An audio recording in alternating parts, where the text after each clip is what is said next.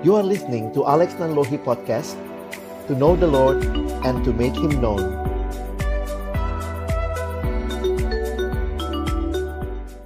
The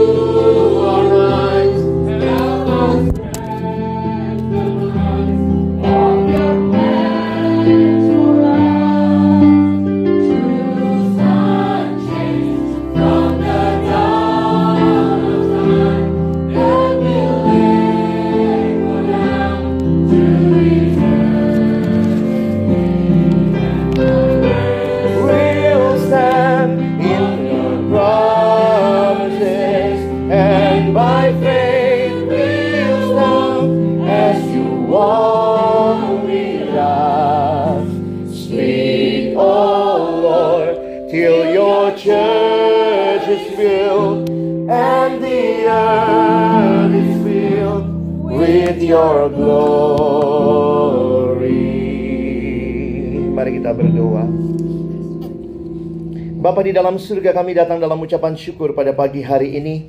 Sungguh Tuhan Engkau baik dan Engkau menyatakan kebaikan-Mu di dalam hidup kami. Kembali pagi hari ini kami bersyukur kami boleh datang memuji, memuliakan namamu ya Tuhan. Tiba waktunya bagi kami untuk membuka firman-Mu ya Tuhan. Kami mohon biarlah ketika kami membuka firman-Mu, bukalah juga hati kami. Jadikanlah hati kami seperti tanah yang baik, supaya ketika benih firman Tuhan ditaburkan itu boleh sungguh-sungguh berakar, bertumbuh, dan juga berbuah nyata di dalam hidup kami. Tolong kami semua Tuhan, bukan hanya jadi pendengar-pendengar firman yang setia, tapi mampukan dengan kuasa rohmu yang kudus. Kami boleh dimampukan menjadi pelaku-pelaku firman-Mu. Help us Lord, not only to be the listeners of your word, but also the doers of your word. In Jesus' most precious name we pray. Amen. Silakan duduk. Good morning brothers and sisters. Selamat pagi teman-teman sekalian. Kayak reuni ya. Saya bersyukur melihat pemimpin-pemimpin muda. Saya bersyukur dalam kesempatan ini boleh share firman Tuhan. Saya terlibat di um, Lausanne Young Leader 2006. Waktu itu saya I was young that time. 2006 in Malaysia in Kuala Lumpur. Um, lalu kemudian dalam 2016 Tuhan kasih kesempatan juga kami uh, terlibat di dalam panitia dari Lausanne uh, Young Leader Gathering di Karawaci di UPH dan bersyukur melihat Tuhan terus membangun generasi yang muda untuk melayani. Nah, pagi hari ini saya ingin mengajak kita melihat firman Tuhan sama-sama dalam uh, topik atau tema servant leadership, ya. Jadi ini jadi pergumulan banyak pemimpin termasuk pemimpin muda. Jangan pikir yang punya masalah ini cuma yang tua-tua gitu ya. Wah, makin tua, makin tinggi statusnya, makin tinggi strukturnya, makin sulit jadi hamba. Tapi sebagai pemimpin yang muda pun, karena mungkin sekarang saudara punya skill lebih banyak dari boksumu, dari pemimpin yang lebih senior, sehingga mungkin sulit juga bagi kita untuk benar-benar menghidupi tema ini. Dan ini juga jadi doa saya untuk diri saya dan bagi kita semua pagi hari ini yang mendengar.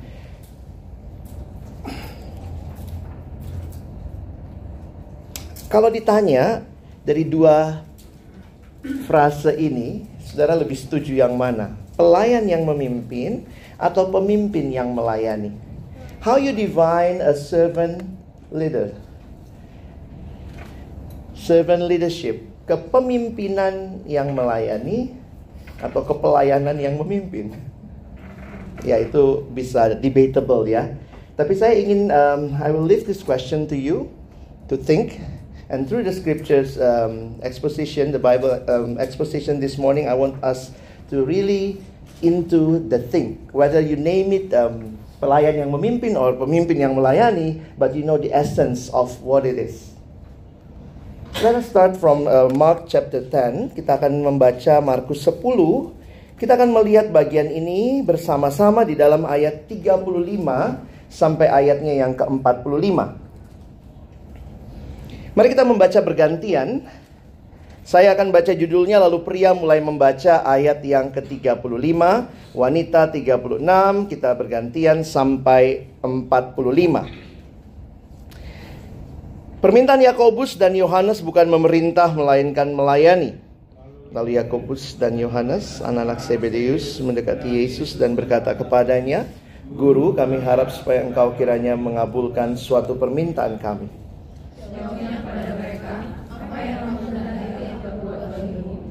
Lalu kata mereka, perkenankanlah kami duduk dalam kemuliaanmu kelak, yang seorang di sebelah kananmu dan yang seorang di sebelah kirimu.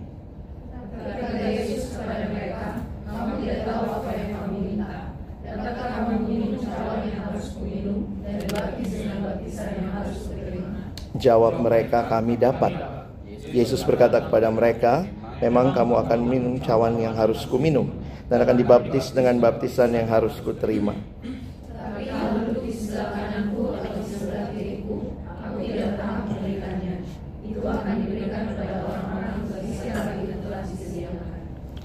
Mendengar itu ke sepuluh murid yang lain jadi marah kepada Yakobus dan Yohanes.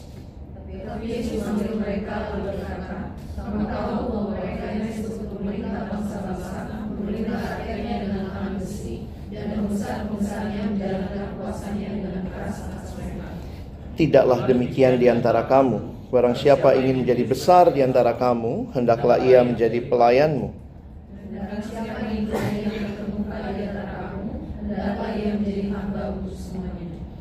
Karena anak manusia juga datang bukan untuk dilayani, melainkan untuk melayani dan untuk memberikan nyawanya menjadi tebusan. Saudara yang dikasihi Tuhan, perjalanan menuju ke Yerusalem yang Yesus sedang tempuh adalah perjalanan menuju kematian. Tiga kali Yesus menyampaikan hal ini. Aku akan pergi ke Yerusalem, akan ditangkap, dibunuh, lalu pada hari yang ketiga bangkit. Tapi murid-murid nampaknya tidak menyadari itu. Perjalanan ke Yerusalem bagi mereka adalah perjalanan menuju tahta kekuasaan. Menuju ke Yerusalem bagi mereka adalah kesempatan Yesus akan datang ke pusat kota atau pemerintahan Yahudi waktu itu di mana dia akan menunggang balikan pemerintah Romawi pengharapan mesianis mereka bahwa satu waktu Mesias akan memerintah dan itulah harapan mereka ketika mereka sedang berjalan bersama Yesus ke Yerusalem. Sampai tiga kali memberitahu hal itu, masih nggak ngeh juga. Tahu ya nggak ngeh ya, orang Batak bilang nggak ngeh. mereka masih terus berpikir apa yang akan terjadi kalau nanti Yesus sampai ke sana, memerintah di sana, maka kita tunggu pengumuman kabinet. Semua pada nunggu-nunggu ya. Sambil training buka HP terus. Paling enggak itu yang mereka tunggu. Sehingga apa yang terjadi? They keep on asking, who Who is the greatest? Siapa yang terbesar?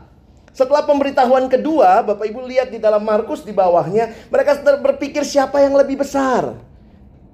Bahkan setelah pemberitahuan ketiga, perikop yang kita baca persis di bawah pemberitahuan yang ketiga. Mereka terus berpikir siapa yang duduk di kiri, siapa yang duduk di kanan. Syukur-syukur nggak minta pangku ya. Dan yang menarik kalau kita perhatikan, di dalam Injil yang lain, mereka bahkan melibatkan ibu mereka. Mama, mama ngomong dong sama Yesus gitu ya. Mungkin kalau yang ngomong ibu-ibu Yesus lebih iba gitu ya. Iya ya kacian gitu ya. Sehingga bagi saya ini adalah satu Bapak Ibu pikirlah kalau kita punya small group members, we have taught them three times, I will die, I will die. And what going on in their mind is, oh, I will sit on your left or on your right. Siapa jadi perdana menteri pertama, kedua dan seterusnya. Dan ini menjadi satu percakapan yang sebenarnya menyedihkan. Kalau punya murid gitu ya, yang begini dablek banget ya. Saudara perhatikan ayat 32. Eh 35 ya. Lalu Yakobus dan Yohanes anak Zebedeus mendekati Yesus dan berkata kepadanya, "Guru, kami harap supaya engkau kiranya mengabulkan suatu permintaan kami." Jawabnya kepada mereka, "Apa yang kamu kehendaki atau perbuat, aku perbuat bagimu." Lalu kata mereka, "Perkenankanlah kami duduk dalam kemuliaanmu kelak, yang seorang lagi di sebelah kananmu dan yang seorang lagi di sebelah kirimu."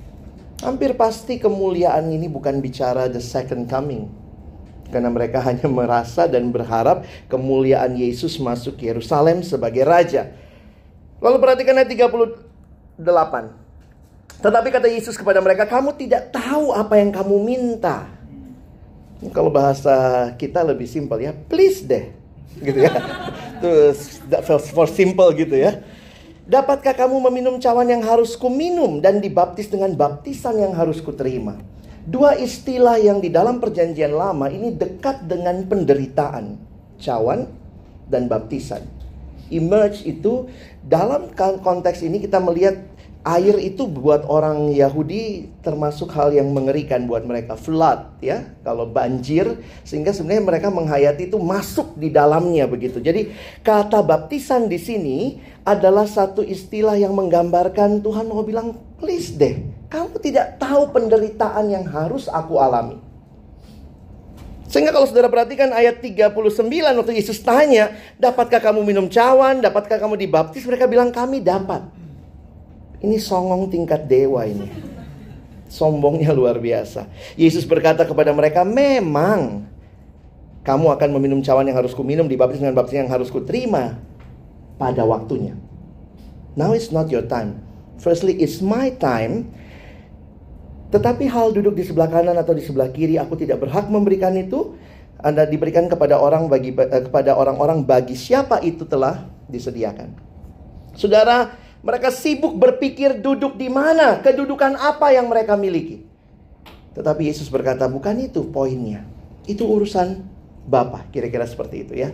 Nah, di titik inilah saudara harusnya akhirnya menghayati pengajaran di bawahnya. Nah, ayat 41. Mendengar itu ke sepuluh murid yang lain menjadi marah kepada Yakobus dan Yohanes. Are the, the others better than these two? No, of course not. Mungkin mereka tuh ngomongnya, kenapa sih curi start? Belum nyampe Yerusalem, please wait. Kenapa nyolong start gitu ya? Sehingga akhirnya ayat 42 Yesus panggil mereka. Nah di sini kan terbukti ya. Kalau ternyata Yesus memuji dua in, uh, sepuluh nih kayak yang sepuluh nih yang bagus ya. Tapi nampaknya kalimat Yesus di ayat 42 untuk mereka semua. But it's not only for the 12 disciples. It's also for us who sit here as young leaders this morning. Kalimatnya kamu tahu bahwa mereka yang disebut pemerintah bangsa-bangsa memerintah rakyatnya dengan tangan besi dan pembesar-pembesarnya menjalankan kuasanya dengan keras atas mereka. There is a power matters, power problem. Pemimpin punya power. Tapi lihat apa yang mereka pakai, dia pakai power itu memerintah rakyat dengan tangan besi, menjalankan kuasa dengan keras atas mereka. Tidaklah demikian di antara kamu. Perhatikan kalimatnya. Barang siapa ingin menjadi besar di antara kamu, menjadi besar boleh nggak? Alkitabiah loh. not in the size ya.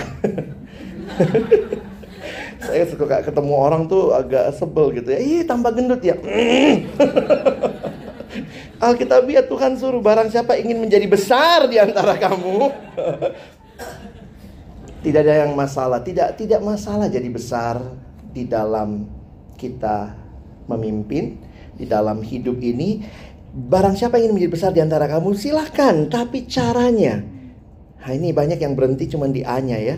Hendaklah ia menjadi pelayanmu. You want to be the greatest? Please do so. Kemarin teman-teman sudah belajar, ada skill, excellency. Kita mau jadi the best in everything. Apalagi yang muda sukanya begitu ya. Dan ini bukan cuma yang muda, semua juga pingin jadi yang terbaik. Tapi caranya ketika kita bicara karakter, hendaklah ia menjadi pelayanmu. Dan barang siapa ingin menjadi yang terkemuka, boleh jadi terkemuka? Boleh, please do so.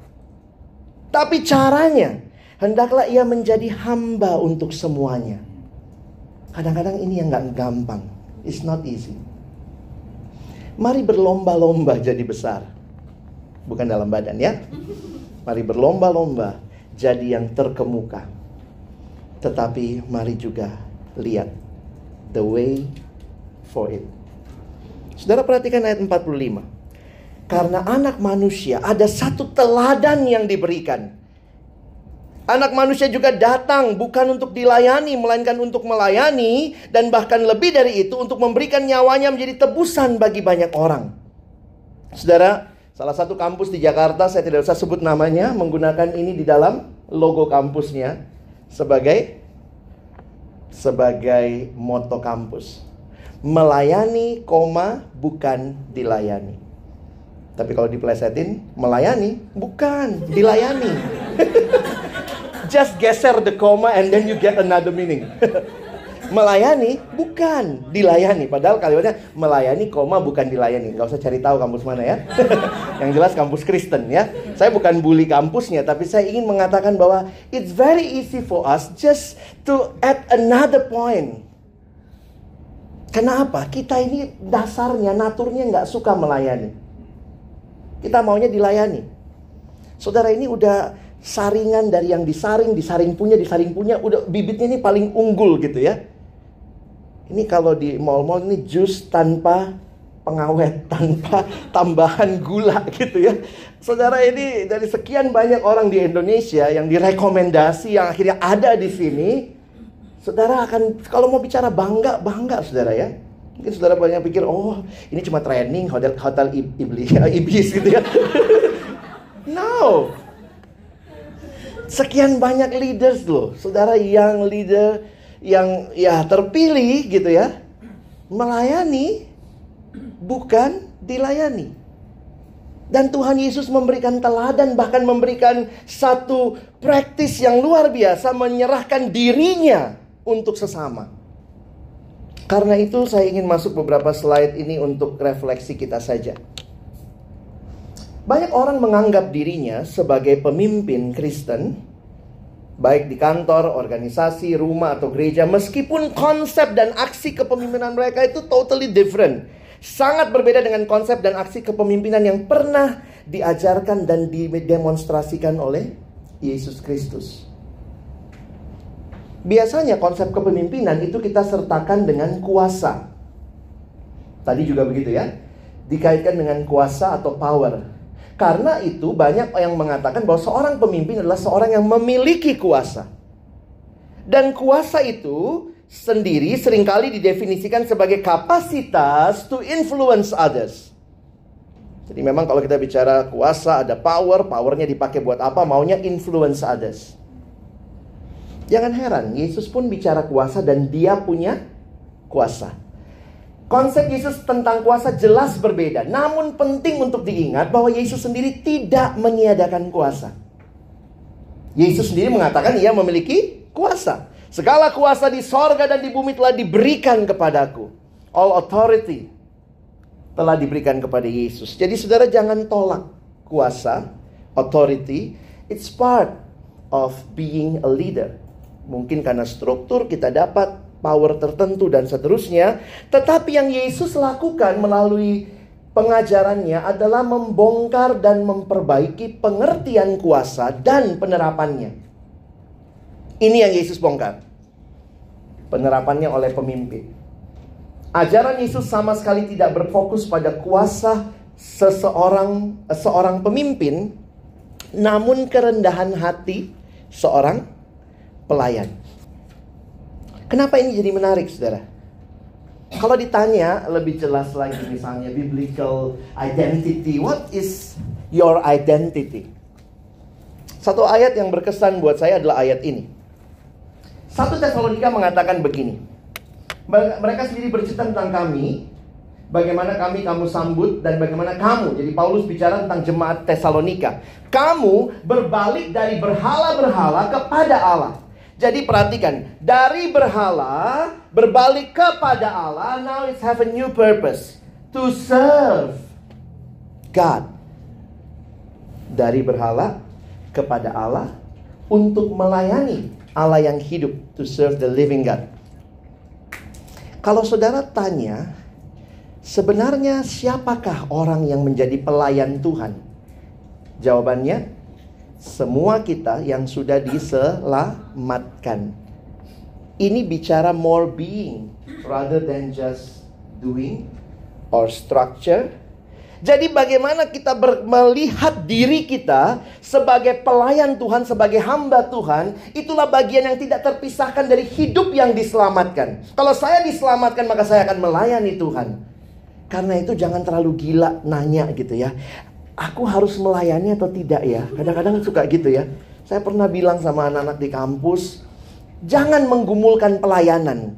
Ada yang kaget, kenapa? Soalnya kalau menggumulkan pelayanan itu kayak pagi-pagi kita nanya, hari ini napas nggak ya? Napas nggak ya? Ada yang bergumul tadi pagi napas apa tidak? Kita tidak menggumulkan lagi karena itu is part of our being. Saudara dan saya adalah seorang pelayan. Seumur hidup kita belum pernah jadi mantan pelayan. Maka kalimat cantiknya begini. Saudara mungkin mantan pengurus. Tapi seumur hidup engkau belum pernah jadi mantan pelayan. Kecuali mau selesai duluan.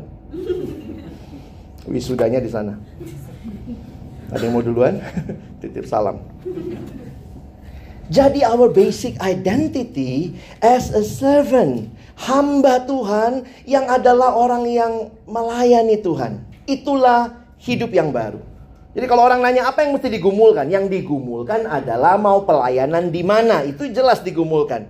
Mau pelayanan sebagai apa? Berapa lama periodenya? Jangan kebalik. Menggumulkan pelayanan apa yang dicari? Ayat. Cari ayat. Mana ayatnya kak? Ayat yang janganlah melayaniku. Nggak ada. Kamu nggak akan ketemu ayat itu. Sehingga banyak dalam pergumulan saya pikir kita harus clear apa yang kita gumulkan. Dan ayat ini menolong saya akhirnya melihat apa yang kita bahas pagi ini. Pemimpin pelayan, begitulah penerjemahannya harusnya ya, karena leadernya di belakang. Kita kan kebalik-balik Indonesia ya. Bukan pemimpin yang melayani, namun kita adalah pelayan yang memimpin. Our basic identity is pelayan. Kenapa? Karena kalau saudara tidak tepat memposisikan diri, ini bukan masalah istilah ya. Kalau istilah kita bisa debat sampai pagi. Tapi kalau kita tidak tepat memposisikan diri, waktu kita kehilangan status jabatan kepemimpinan, stres kita. Tapi kalau kita terus menerus sadar kita pelayan, maka kalau selesai pengurus, selesai jabatan, selesai periode, pertanyaannya apa? Melayani di mana lagi? Oh pelayanan nggak mesti ada strukturnya, benar nggak? Cari di Alkitab. Yesus nggak pernah lo jadi pengurus. Benar nggak? Ayo, ada nggak? Yesus rapat pengurus, rapat majelis. Nggak ada. Yang pengurus itu farisi. Jadi makanya kalau kita baca Alkitab, you compare yourself not to Jesus maybe, you need to compare yourself more to the Pharisee. Because you will see something deep inside you is already, already there. Cari kepuasan, doa di pinggir-pinggir jalan gitu ya. Itu kita kok. Yesus kan doanya lebih lebih calm gitu ya. Makanya saya sejak mengerti itu, setiap kali baca Farisi ini gua nih. itu bagian saya. Yesus tuh teladan utamanya, tapi saya mesti compare myself more kadang-kadang sama versi. Kecuali saudara bisa buktikan Yesus rapat pengurus. Saya nggak ketemu ayatnya. Sehingga ini, perhatikan. Kita itu bukanlah seorang pemimpin, oh saya tuh tinggi sekali, lalu merelakan diri untuk melayani orang lain. Namun kita adalah pertama-tama seorang pelayan seorang hamba Allah, lalu kita terpanggil memimpin. Karena itu Paulus bicara kepada jemaat Galatia.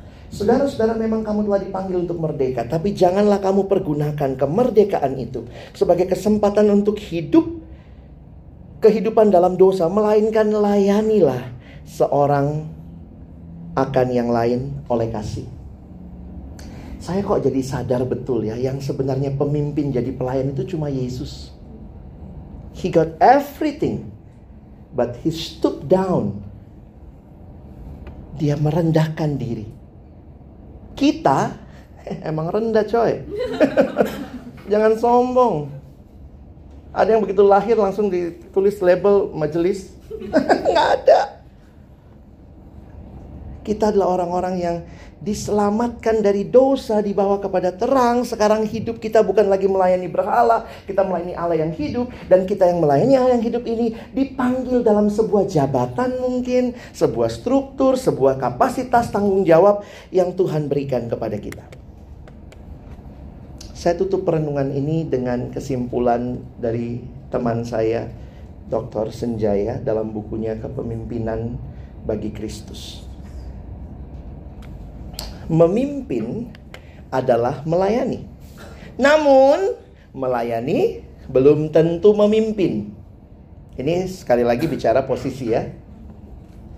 Mungkin juga teman-teman pulang dari sini ikut yang leader juga di di organisasimu nggak dilihat kamu siapa pemimpin habis ikut yang leader oh makan gratis tiga hari di hotel. Who are you? Ada yang pulang sudah memang punya status jabatan. Memimpin adalah melayani, namun melayani belum tentu memimpin. Yang tidak mau melayani, tidak boleh dan tidak berhak memimpin. Pemimpin adalah pelayan, namun pelayan belum tentu memimpin. Yang tidak rela menjadi pelayan, tidak layak jadi pemimpin. Kiranya pagi hari ini ketika teman-teman saya mungkin para mentor di sini juga tidak ada dari kita yang imun terhadap keinginan pemimpin menjadi besar. Bahkan training ini pun di set up supaya saudara jadi pemimpin yang excellent. Tapi karakter Kristus kiranya kita miliki. Hati Kristus yang melayani kita miliki. Karena itulah yang akan membuat kepemimpinan saudara mirip Yesus. Tapi kalau tidak, mungkin kita lebih mirip dunia, memerintah dengan tangan besi, memerintah dengan kuasa. Waktu Jokowi jadi gubernur DKI, saya kaget dengar wawancara pertamanya, ditanya sama media. Tapi itu waktu jadi gubernur DKI ya, saya nggak tahu sekarang ya. Ditanya, jadi Bapak gimana nih sejak jadi DKI 1? Bapak gimana nih punya otoritas, punya kuasa? Jawabannya sederhana sekali saudara. Ya ini kan amanah harus dipakai untuk rakyat. Saya pikir Yesus ya. Oh, Jokowi. Kok lebih mirip Yesus gitu ya kalimatnya ya. If you have the power, then the question is, what is that for? If you have a servant heart like Jesus' heart, then you will use the whole of your life to serve others. May God bless you. Amen. Let us pray. Father, we thank you again for this morning, for your word, and we thank you that you always be with us, help us to grow as a leader, especially in our as a young leader. Help us to be more like you. Help us to have a servant heart like you, Jesus. You have everything but you came down from heaven for us, to serve us, even died for us, for our salvation. We praise you for that. And we hope that you will help us also to grow as a leader, become more and more like you. We pray this in Jesus' most precious name. Amen. Mari kita mengambil sikap berlutut sekali lagi pagi ini di hadapan Tuhan kita Yesus Kristus. Mari kita perlahan-lahan berlutut di bangku kita masing-masing. Bagi teman-teman yang kesulitan dengan sikap berlutut ini, silakan tetap duduk. Tapi bagi Bapak Ibu yang bisa berlutut, saya mengajak kita berlutut di hadapan